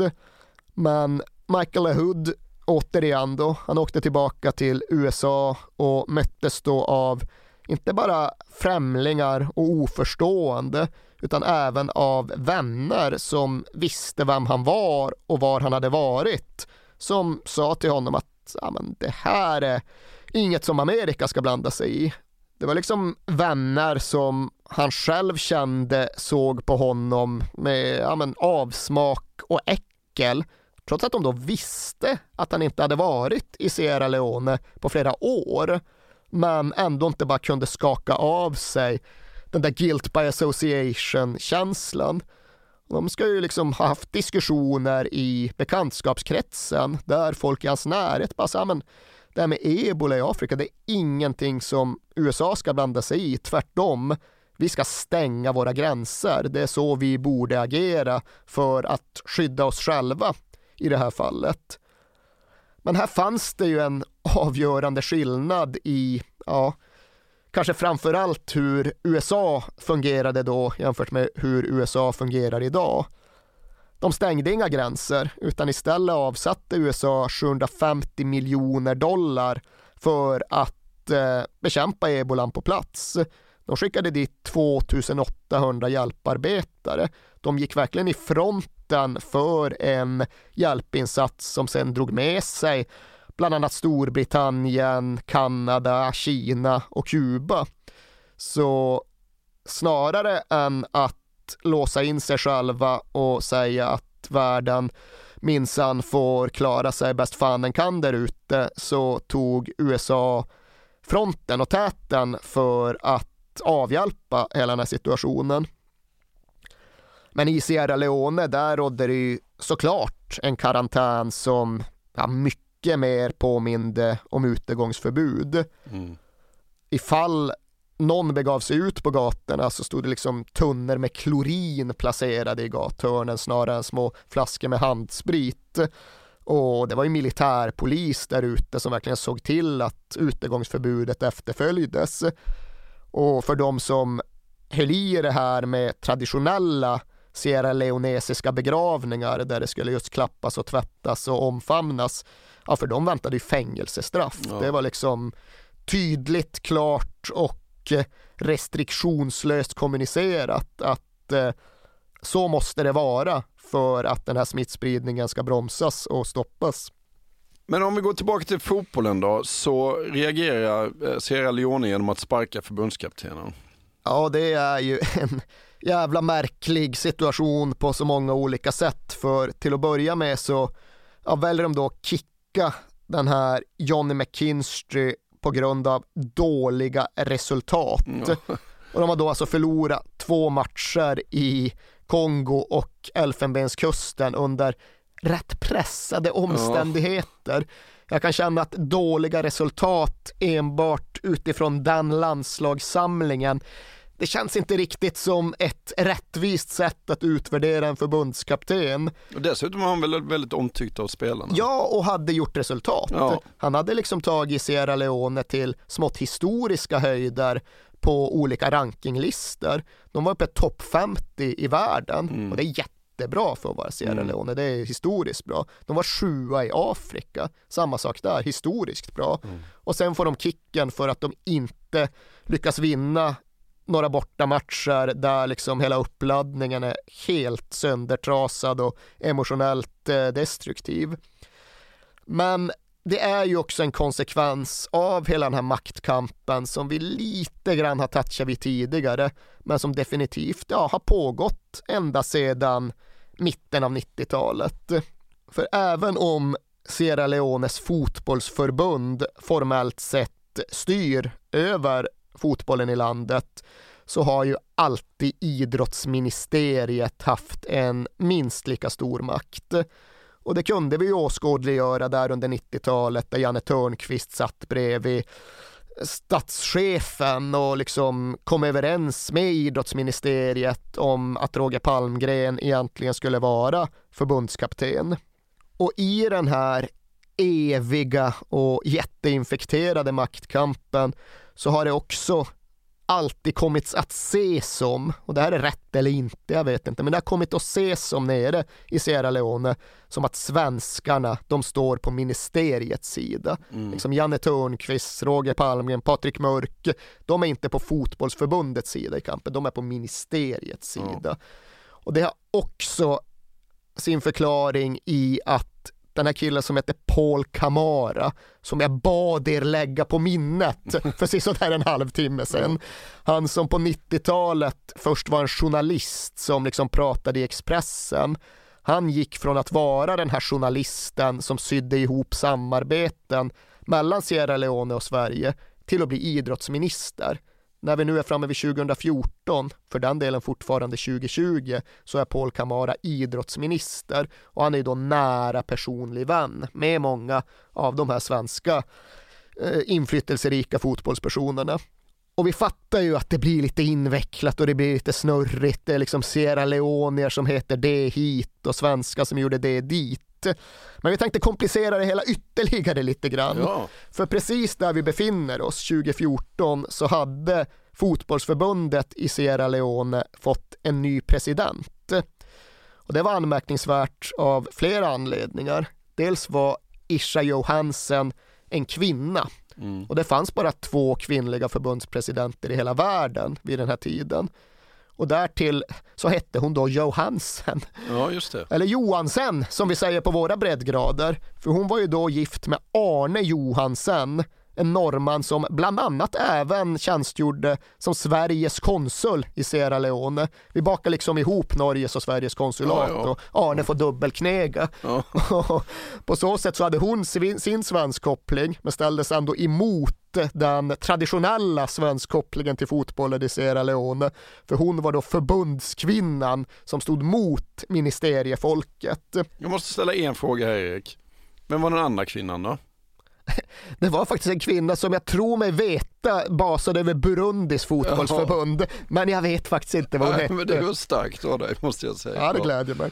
Eh, I alla fall, Isha Johansen, själv påstår hon i alla fall att ja, men egentligen ville hon inte bli förbundspresident. Hon ställde upp i valet 2013 bara för att skaka om lite grann. Mm. Och jag vet inte hur det var med det, men jag vet att det var en valprocess där en Fifa-kommitté observerade hela skeendet lite ovanligt noga. Faktum är att de diskvalificerade alla andra kandidater. Det var två stycken som blev strukna för att de ansågs ha för täta band till gamblingindustrin som under lång tid hade haft alldeles för stort inflytande över fotbollen i Sierra Leone. Därtill diskvalificerade Fifa även Mohamed Kalon som inte ansågs vara hemmahörande, inte ansågs bo i Sierra Leone och därför inte var en godkänd kandidat. Och det var ju där det blev verkligt infekterat. Oerhört många tog det för givet att Mohamed Kalon skulle bli förbundspresident för hans status i Sierra Leone är ju nästan jämförbar med den som Didier Drogba har i Elfenbenskusten. Det är liksom någon form av nationalsymbol. Men det blev inte Kalon för Fifa diskade honom och Fifa såg istället då till att Isha Johansen blev förbundspresident. Och de som inte gillar henne, och det är rätt många, de menar ju att äh, det var bara sepplat Blatter som dels ville ha en PR-kupp och lyfta fram då en kvinna i Afrika. Dessutom ville ha ytterligare en lojal bundsförvant som skulle rösta på alla hans förslag eh, nere i Afrika. De som tvärt gillar Isha Johansen, de menar ju att eh, äntligen kom det någon som liksom ville rensa upp bland all korruption i förbundet och som ville klippa alla band till bettingindustrin och som ville göra upp med det förflutna. Och jag har verkligen ingen aning om vad som är sant eller falskt eller rätt eller fel i det här. Jag har själv ingen direkt avsikt att ta ställning mellan fotbollsförbundet och idrottsministeriet i Sierra Leone, men där låg liksom konfliktlinjerna. Måste ju ändå lägga in också att Kalon påstår ju att Issa Johansson hade misshandlat honom. hon är typ 1,40 också. Ja. ja. men hon är nog 1,52 kanske ifall ja. jag ska höfta. Ja, det fanns väl, de hade haft något bråk och det ska ha utdelats någon form av lavett. Men jag tror nog att Mohamed Kalon överlevde den situationen utan att det, satte alldeles för djupa fysiska spår. Men just den här fasen av den eviga maktkampen mellan fotbollsförbund och idrottsministerium. Den innebar då att idrottsministeriet, som för den delen är de som pröjsar för landslagsapparaten, det är de som liksom betalar arvoden och resor och allting för landslaget. Ja, de kickade på eget bevåg den här nordirländska förbundskaptenen och sen så tillsatte de en ny var bara det att efter att de hade tillsatt sin nya förbundskapten så gick det två veckor.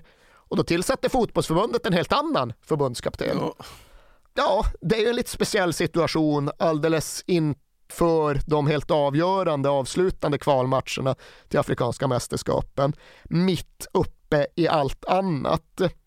Men där är det ändå så att när saker dras till sin spets runt Sierra Leones fotboll då kommer förbundsapparaten alltid ha Fifa på sin sida. För enligt Fifas statuter och regelverk, då är det ju överhuvudtaget inte tillåtet med någon politisk inblandning Nej. runt landslagsfotbollen. Det är oerhört godtyckligt, för politisk inblandning har det funnits i Sierra Leones fotboll i alla år. Mm. Det är liksom helt uppenbart att idrottsministeriet alltid har varit där med jättestarka händer. Men nu när det då drogs till sin spets och de hade utsett varsin förbundskapten, ja men då sa ändå Fifa att nej, det är bara fotbollsförbundets ord som gäller här och ifall det inte är det, då stänger vi helt enkelt av Sierra Leone från allt internationellt spel.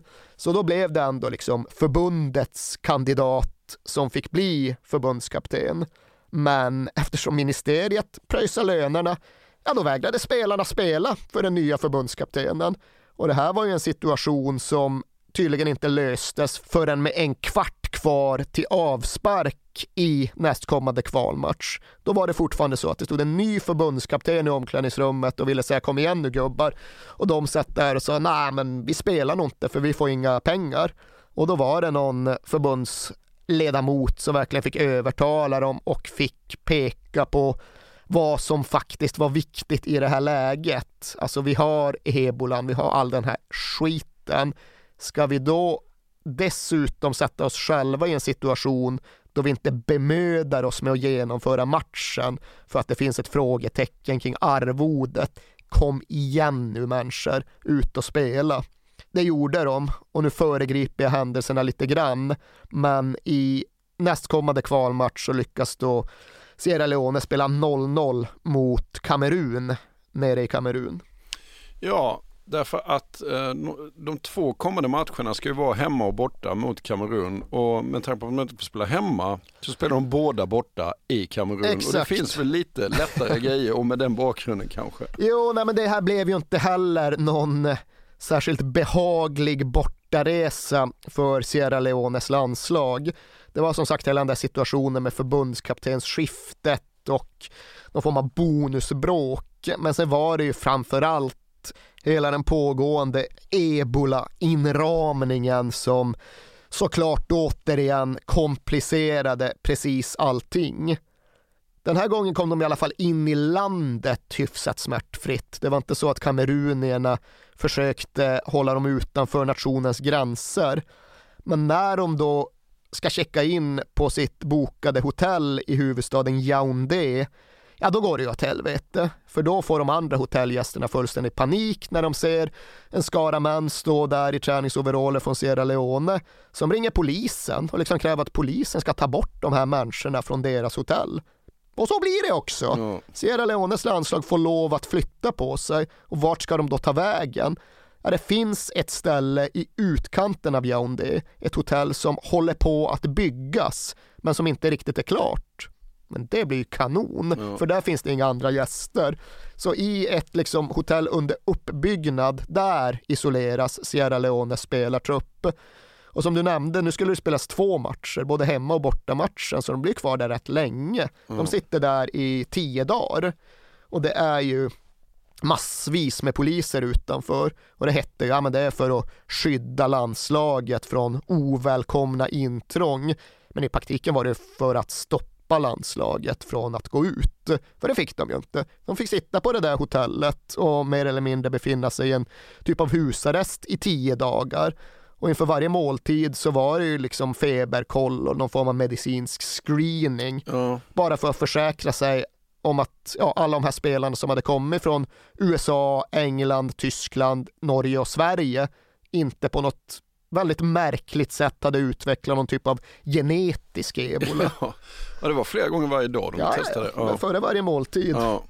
Under den här tiden kom jag, då ringde jag ner till Crespo Camara, eh, skrev en artikel om hela situationen och pratade med honom. Och vi berörde hans helt extraordinära bakgrund tidigare. Och det känns väl som att kanske liksom situationen svepte iväg honom lite grann också när han befann sig. Men jag minns hur det var att prata med honom. Han var så uppjagad och han var så upprörd och han sa verkligen det att ja, kriget absolut fasansfullt hemskt på alla vis men det här med ebola är värre. Det här är den värsta tiden i vårt lands historia så som han resonerade då så var det väl just utifrån det här att ja, men, när det var krig så hade vi våra egna problem, men det fanns någon typ av tydligt definierad fiende och det fanns en vilja från omvärlden att hjälpa till. Mm. Även om de inte gjorde tillräckligt, även om de kanske helst hade velat titta bort så var det ändå uppenbart att ja, nu måste folk i Sierra Leone få hjälp. I det här skedet var det i Crespo Camaras ögon mycket mer så att världen bara ville stänga dörren till Sierra Leone och kasta bort nyckeln. Han sa det att ah, nu vill världen inte ha något med oss att göra. Helst av allt skulle de bara vilja stänga gränserna till Sierra Leone, glömma bort att vi någonsin fanns och bara låta oss försvinna. Och de spelade som sagt 0-0 i den här första kvalmatchen. Hoppet levde lite grann, men sen föll de i den andra med 2-0 mot Kamerun. Och då var de liksom definitivt borta från de afrikanska mästerskapen.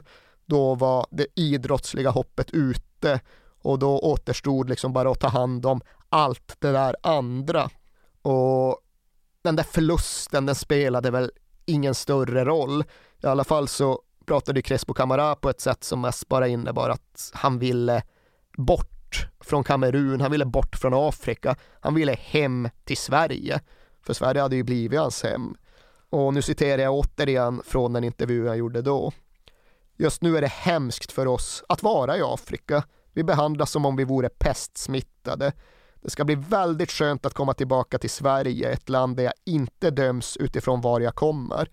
Jag hoppas att alla behandlar mig precis som vanligt, att de skakar min hand och kramar mig, även om jag nu föddes i Sierra Leone. Men det blev inte riktigt så? I alla fall inte för alla. Men jag tror nog att Crespo Camara och de spelare som var hemmahörande i Sverige upplevde just en förståelse och en känsla av befrielse av att komma tillbaka hit. Men det fanns andra som hade det värre. Det fanns en mittfältare i Sierra Leones trupp som hette John Camara och han var vid den här tiden proffs i Grekland, en klubb som hette PAS Lamia. Och när han återvände till Grekland efter de här tio dagarna i Kamerun, då var det ju tvärstopp. Du ska sitta i karantän i tre veckor. Säger vem? Hälsoministeriet. Varför det? Ja, men ebola. Okej, okay, men jag har inte varit i Sierra Leone på långt mer än ett år. Och nu har vi precis varit tio dagar i, Kam i Kamerun och där finns det inte ett enda ebolafall. Varför ska jag sitta i karantän? Det är bara så det är. Ja. Så han fick, han fick inte träna, han fick inte spela matcher, absolut ingenting. Av den enda anledningen att han var född i Sierra Leone. Ja. Återigen, det var inte klubbens beslut, det var det grekiska hälsoministeriet och där tycker jag ju att man har rätt att förvänta sig mer. När karantänen väl bröts, då kom John Kamara tillbaka, gjorde mål och firade, eller vad man nu ska säga, med att dra upp matchtröjan och visa undertröjan. där han då hade texten och flaggorna från de tre drabbade västafrikanska nationerna. We are West Africans, we are not a virus. Och det blev han straffad för. Blev han det? Ja. Vad fick han för det? Nej men uh, gult kort. För Jaha, okej, men det var inga så här böter? Nej, jag tror inte det, men det var, han fick bestraffning i alla fall. Ja, nej, det är Ja, klart han ja, fick. Ja. Men den här beröringsskräcken som återigen, den är begriplig på ett plan, men den är inte försvarbar hela vägen. Den sträckte ju sig så högt upp i den sportsliga hierarkin ja, faktiskt hela kontinentalmästerskapen fick lov att flyttas. För nästan exakt samtidigt som John Camara satt i karantän i Grekland utan anledning, ja då beslutade ju sig den stolta fotbollsnationen Marocko för att avstå ifrån att arrangera de afrikanska mästerskapen. Och de skulle invigas bara två månader senare. Men de tog bara beslutet att nej, vi tror inte på det här. Det kommer vara för mycket folk i rörelse och det finns för stora risker så vi vill inte arrangera de här mästerskapen. Och vi behöver väl kanske inte värdera, bedöma eller recensera det beslutet men det är klart att det var ett väldigt stort beslut att ta. Och det medförde ju också frågan om huruvida hela de afrikanska mästerskapen skulle skjutas i upp eller ställas in. Men så blev det ju inte. Ekvatorialguinea, dessa hjältemodiga riddare, nu ska jag inte raljera över den ekvatorialguineanska staten, men uh, det är väl kanske inte eh, det, inte eh, det, inte det styre och den regim jag håller allra högst i, i världen.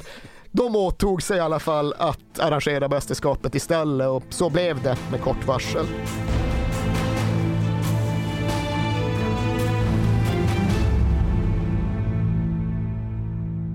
Kan du inte berätta lite om AIK Fretong också? Ja, det kan jag göra, för allt var ju faktiskt inte bara elände och avståndstagande och eh, murresande från omvärldens sida. För som vi nämnde tidigare så blev verkligen AIK en grej i Sierra Leone i samband med att de båda Bangurorna vräkte in mål där och sen studsade vidare ut i sina proffskarriärer. Eh, och AIK Freetown, Freetown som då var det tidiga namnet på huvudstaden Freetown, eh, det var en förening som tillkom 2011 just när Tete Bangura vräkte in mål för Gnaget. Och hans lillebrorsa fick den här drömmen om att han ville också spela för AIK. Ja men fan det är rätt lång väg dit ändå. Ja men jag gör det enkelt för mig. Jag bara smäller upp AIK i Sierra Leone. AIK Freetown, perfekt nu spelar jag för AIK. På den tiden var det liksom, ja men bara en jag vet inte om man säger korpförening i Sierra Leone, jag tror inte de har riktigt samma korpen-tradition, men Nej. ett amatörgäng. Men sen var det tragiskt nog så att Tete Banguras lillebror gick bort bara några få månader efter att klubben hade grundats. Han dog av hepatit C och istället för att klubben då bara skulle lägga ner och försvinna så blev det istället mycket mer av en riktig klubb. Och det var ju mycket för att hedra den här lillebrorsans minne. Så AIK Freetown kom att bli en ja, men, riktig klubb som spelade seriespel från och med ja, det var 2013 eller 2014. Och de hade då fått tillstånd av AIK Stockholm att använda namnet. De hade börjat prata om ett mer handfast samarbete. Men det var ju då precis innan ebola-utbrottet innebar att all fotboll i Sierra Leone stoppades. Under ebolautbrottet så föll det sig också så att AIK Freetongs materialförvaltare, en herre som hette Abu Bakar Kargbo, han drabbades av ebola och det var ett problem på många olika sätt för klubben. Han överlevde och han blev frisk men panikslagna grannar hade inte nöjt sig med det utan de tyckte att det enda rätta i det här läget är att bränna upp hela huset där Mm. den ebola-smittade materialförvaltaren bodde. Eh, Det brändes upp, allt som fanns där i brändes också upp och där fanns då matchställen som AIK Freetown använde sig av. Och i Sierra Leone är det liksom ingen liten sak när matchställen försvinner. Det är liksom en fråga som är större än eh, hela årsbudgeten. Och det här fick i alla fall då följden att när nyheten den nådde Stockholm, då bestämde sig ja, men människorna som drev eh, podden Radio Råsunda på den tiden för att göra något, för att hjälpa till. Så de såg helt enkelt till att samla in pengar bland AIK-anhängarna för att eh, ersätta de här matchställen. Och det blev gjort och det blev lite pengar över och det innebar liksom att i AIK Freetong istället för att behöva lägga ner, vilket ja. verkligen hade kunnat bli följden, istället kunde utveckla sin verksamhet och ta ny fart framåt istället. Men det blev ju faktiskt bättre, eller hur? Ja, med tiden så besegrades ju det här ebolautbrottet. Den omfattande sociala isoleringen i exempelvis Sierra Leone gav effekt och sommaren 2015 då var ebolaviruset mer eller mindre borta från landet. Det flammade upp igen lite grann under hösten 2015 men lyckades ändå hållas under kontroll. Det var ju delvis för att man faktiskt hade kommit en bra bit på vägen mot att utveckla ett vaccin mot ebola. Ett vaccin som idag, så vitt jag förstår, både är patenterat och verksamt. Och vid epidemins ände så hade ungefär 14 000 människor i Sierra Leone smittats av ebolaviruset. Ungefär 4 000 av dem hade avlidit som konsekvens. Det innebar att dödlighetssiffran under det här utbrottet låg någonstans runt 28 procent. Och som sagt, det är ju oerhört mycket högre än vad coronaviruset ligger på idag, men ändå mycket, mycket lägre än det var vid utbrottets början. Mm. Och det går inte att sitta här och nu och säga att ebola är definitivt besegrat för det tycks kunna återvända delvis i nya skepnader och precis nu så är det fortfarande frågan om ett utbrott just nere i Demokratiska republiken Kongo. Det har pågått från sommar 2018, pikade väl sommaren 2019 och håller nu förhoppningsvis på att klinga av. Senast jag kollade så var det inga nya fall rapporterade sedan den 17 februari. Men det är ändå ett utbrott som även där har kostat nästan 2 500 människor livet. Men kunskapen om viruset och kompetensen att eh, hantera det har ju blivit väldigt mycket större på bara de få år som har gått sedan det här allra mest omfattande utbrottet. Och vad hände med fotbollen i Sierra Leone sen då? Ja jävlar vad hände inte? Eh, I december 2015, ja, då fick de officiellt tillstånd att börja spela landskamper hemma igen. Då bedömdes det vara medicinskt säkert och då tyckte man väl utifrån att allt borde vara frid och fröjd relativt sett. Men det är ju någonting med fotbollen i Sierra Leone och med fotbollens organisation i Sierra Leone att det går inte att låta bli att titta på utifrån och känna att de verkar fan vara sina egna värsta fiender ibland. För fotbollen, ja den rullade vidare under inbördeskriget. Fotbollen var med och utstod ebolautbrottet och kom ut på andra sidan. Men fotbollen, ja, den stoppas däremot i maktkampen mellan förbund och ministerium. För faktum är att även om fotbollen i någon mån, i någon form återvände till Sierra Leone redan i januari 2016 så kom den inte att rulla på ordentligt på flera år därefter heller. För det som hände i januari 2016, det var att det sjösattes en typ av utbrytarliga som då inte organiserades av förbundet utan som skulle vara någon typ av alternativ till deras verksamhet.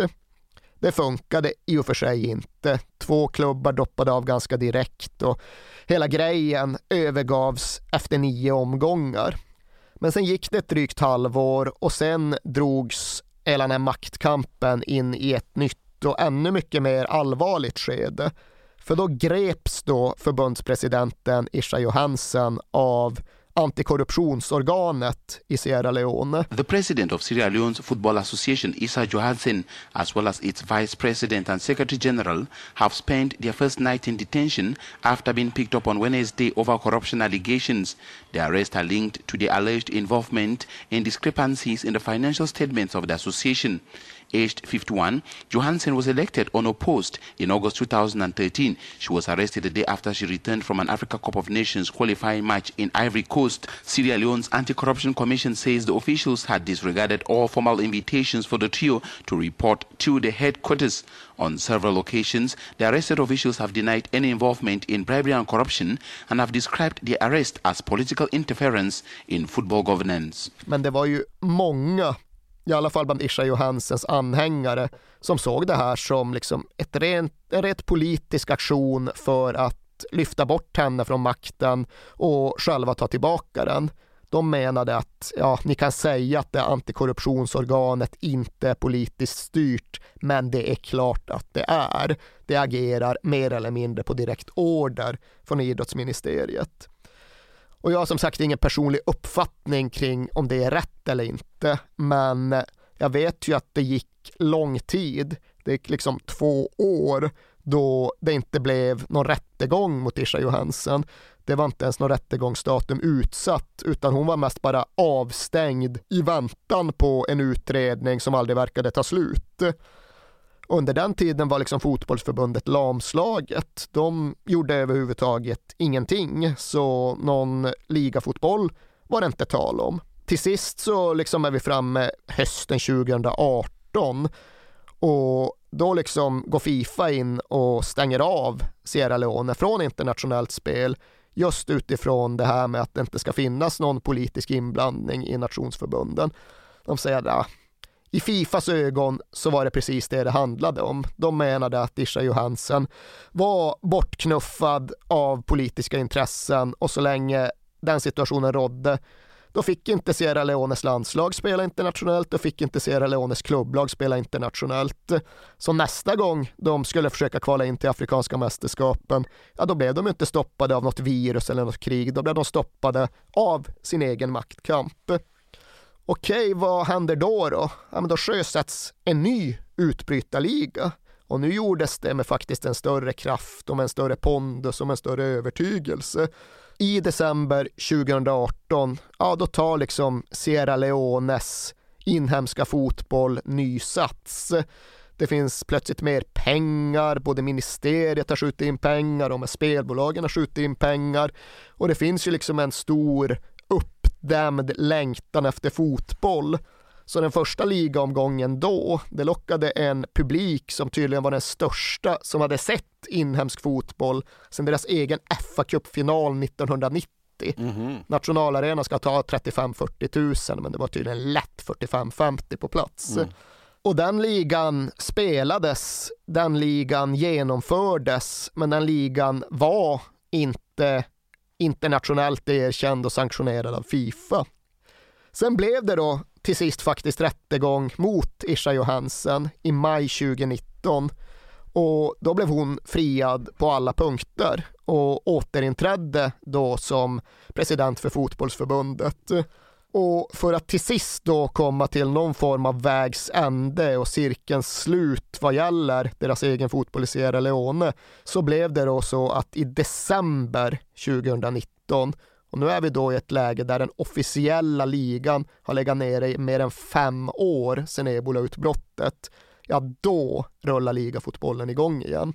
Men det är någonstans ofrånkomligt väldigt talande det här med att ja visst, de stoppade ligan på grund av ebola och bara det var liksom häpnadsväckande för som sagt ligafotbollen där det hade överlevt inbördeskriget. Men ja, ebola stoppar den och sen börjar de inte spela igen på flera, flera, flera år. Och jag var själv tvungen att liksom läsa in mig på det. Jag hade ingen aning. Jag hade ju noterat att ligan inte pågick och tänkte ja men det är väl på grund av ebola. De stannar mm. den på grund av ebola så det är väl fortfarande inte säkert. Men den låg ju nere på grund av ebola i knappt ett och ett halvt år. Sen låg den nere på grund av maktkampen inom Sierra Leones egen fotboll i fyra år därefter. Mm. Och det är klart att det är ju väldigt mycket mer anmärkningsvärt om man bara ser till liksom, förmågan och viljan att göra någonting av, att klara av och göra någonting av de resurser och den potential som ändå finns. Och hur är relationen mellan Sverige och Sierra Leone då? Alltjämt stark, även om importflödet kanske avstannat lite grann. Men det är fortfarande så att liksom den regerande allsvenska skyttekungen heter Mohamed Buya, Turay och kommer från Sierra Leone. Försöker för Buya Turay och det är 2-2! Djurgården kvitterar till 2-2! Emir Kujovic till Mohamed Buya Turay som går upp i skytteligaledning. Nu har vi haft en försäsong där AIK har haft en tonåring på varaktigt provspel. Det verkar i och för sig som att den här Sofian Kaloko kanske hamnar i Värnamo snarare än i AIK eh, som första steg. Men liksom den handelsvägen eller det samarbetet är fortfarande uppe och igång. AIK Freetown själva, de finns ju kvar som klubb. De kämpar vidare trots barska odds. Och de spelar tydligen då fortfarande i de matchställ som Radio Råsunda skramlade ihop pengar till 2014. Nu görs det en ny kraftinsamling precis just nu när vi pratar som har eh, sjösatts av AIKs allmänna supporterklubb där de startat en ny insamling för nya ställ för de tycker väl att ah, kan inte spela i sex år gamla AIK-tröjor. Vi kan fixa något bättre än det här. Så om de inte redan har samlat ihop pengarna till nya matchställ så tror jag de är på god väg att göra det. Sen är det ju så att det är inte alltid helt lätt att få fullständig information kring vad som egentligen händer med fotbollen nere i Sierra Leone. Och det blir till exempel påtagligt när jag försökte kolla, ah, men vad, hur är det med den här materialen då som hade drabbats av ebola för drygt fem år sedan och bodde i det där huset som brändes upp. Eh, är han fortfarande kvar i klubben? Nej, det är han tydligen inte. Hans liv blev ändå så påverkat. Hans förutsättningar försämrades såklart av att hans hus var nedbränt. Så han tillhör alla de afrikaner som lämnade sitt hemland för att försöka nå Europa i jakten på ett bättre liv. Det senaste jag hörde, det senaste någon från fotbollen nere i Sierra Leone kunde berätta, det var att han hade nått Libyen varifrån då alla de här flyktingbåtarna avseglade när de försökte ta sig över Medelhavet. Och efter det var det ingen som egentligen hade hört något mer, ingen som egentligen visste något mer. Och jag hoppas såklart att det har gått bra för honom. Jag hoppas att Abu Bakar Kargbo har lyckats ta sig fram dit han ville komma och att han har lyckats bygga upp ett liv som kanske är lite enklare för honom. Men jag hoppas också att någon där ute kan hjälpa oss med att nå fram till den här informationen. Fotbollsfamiljen är stor och den sträcker sig långt och den kan till exempel binda ihop Sverige med Sierra Leone. Så ifall någon där ute vet hur det har gått för Abu Bakar Kargbo, då hoppas jag att de hör av sig till kings at perfectdaymedia.se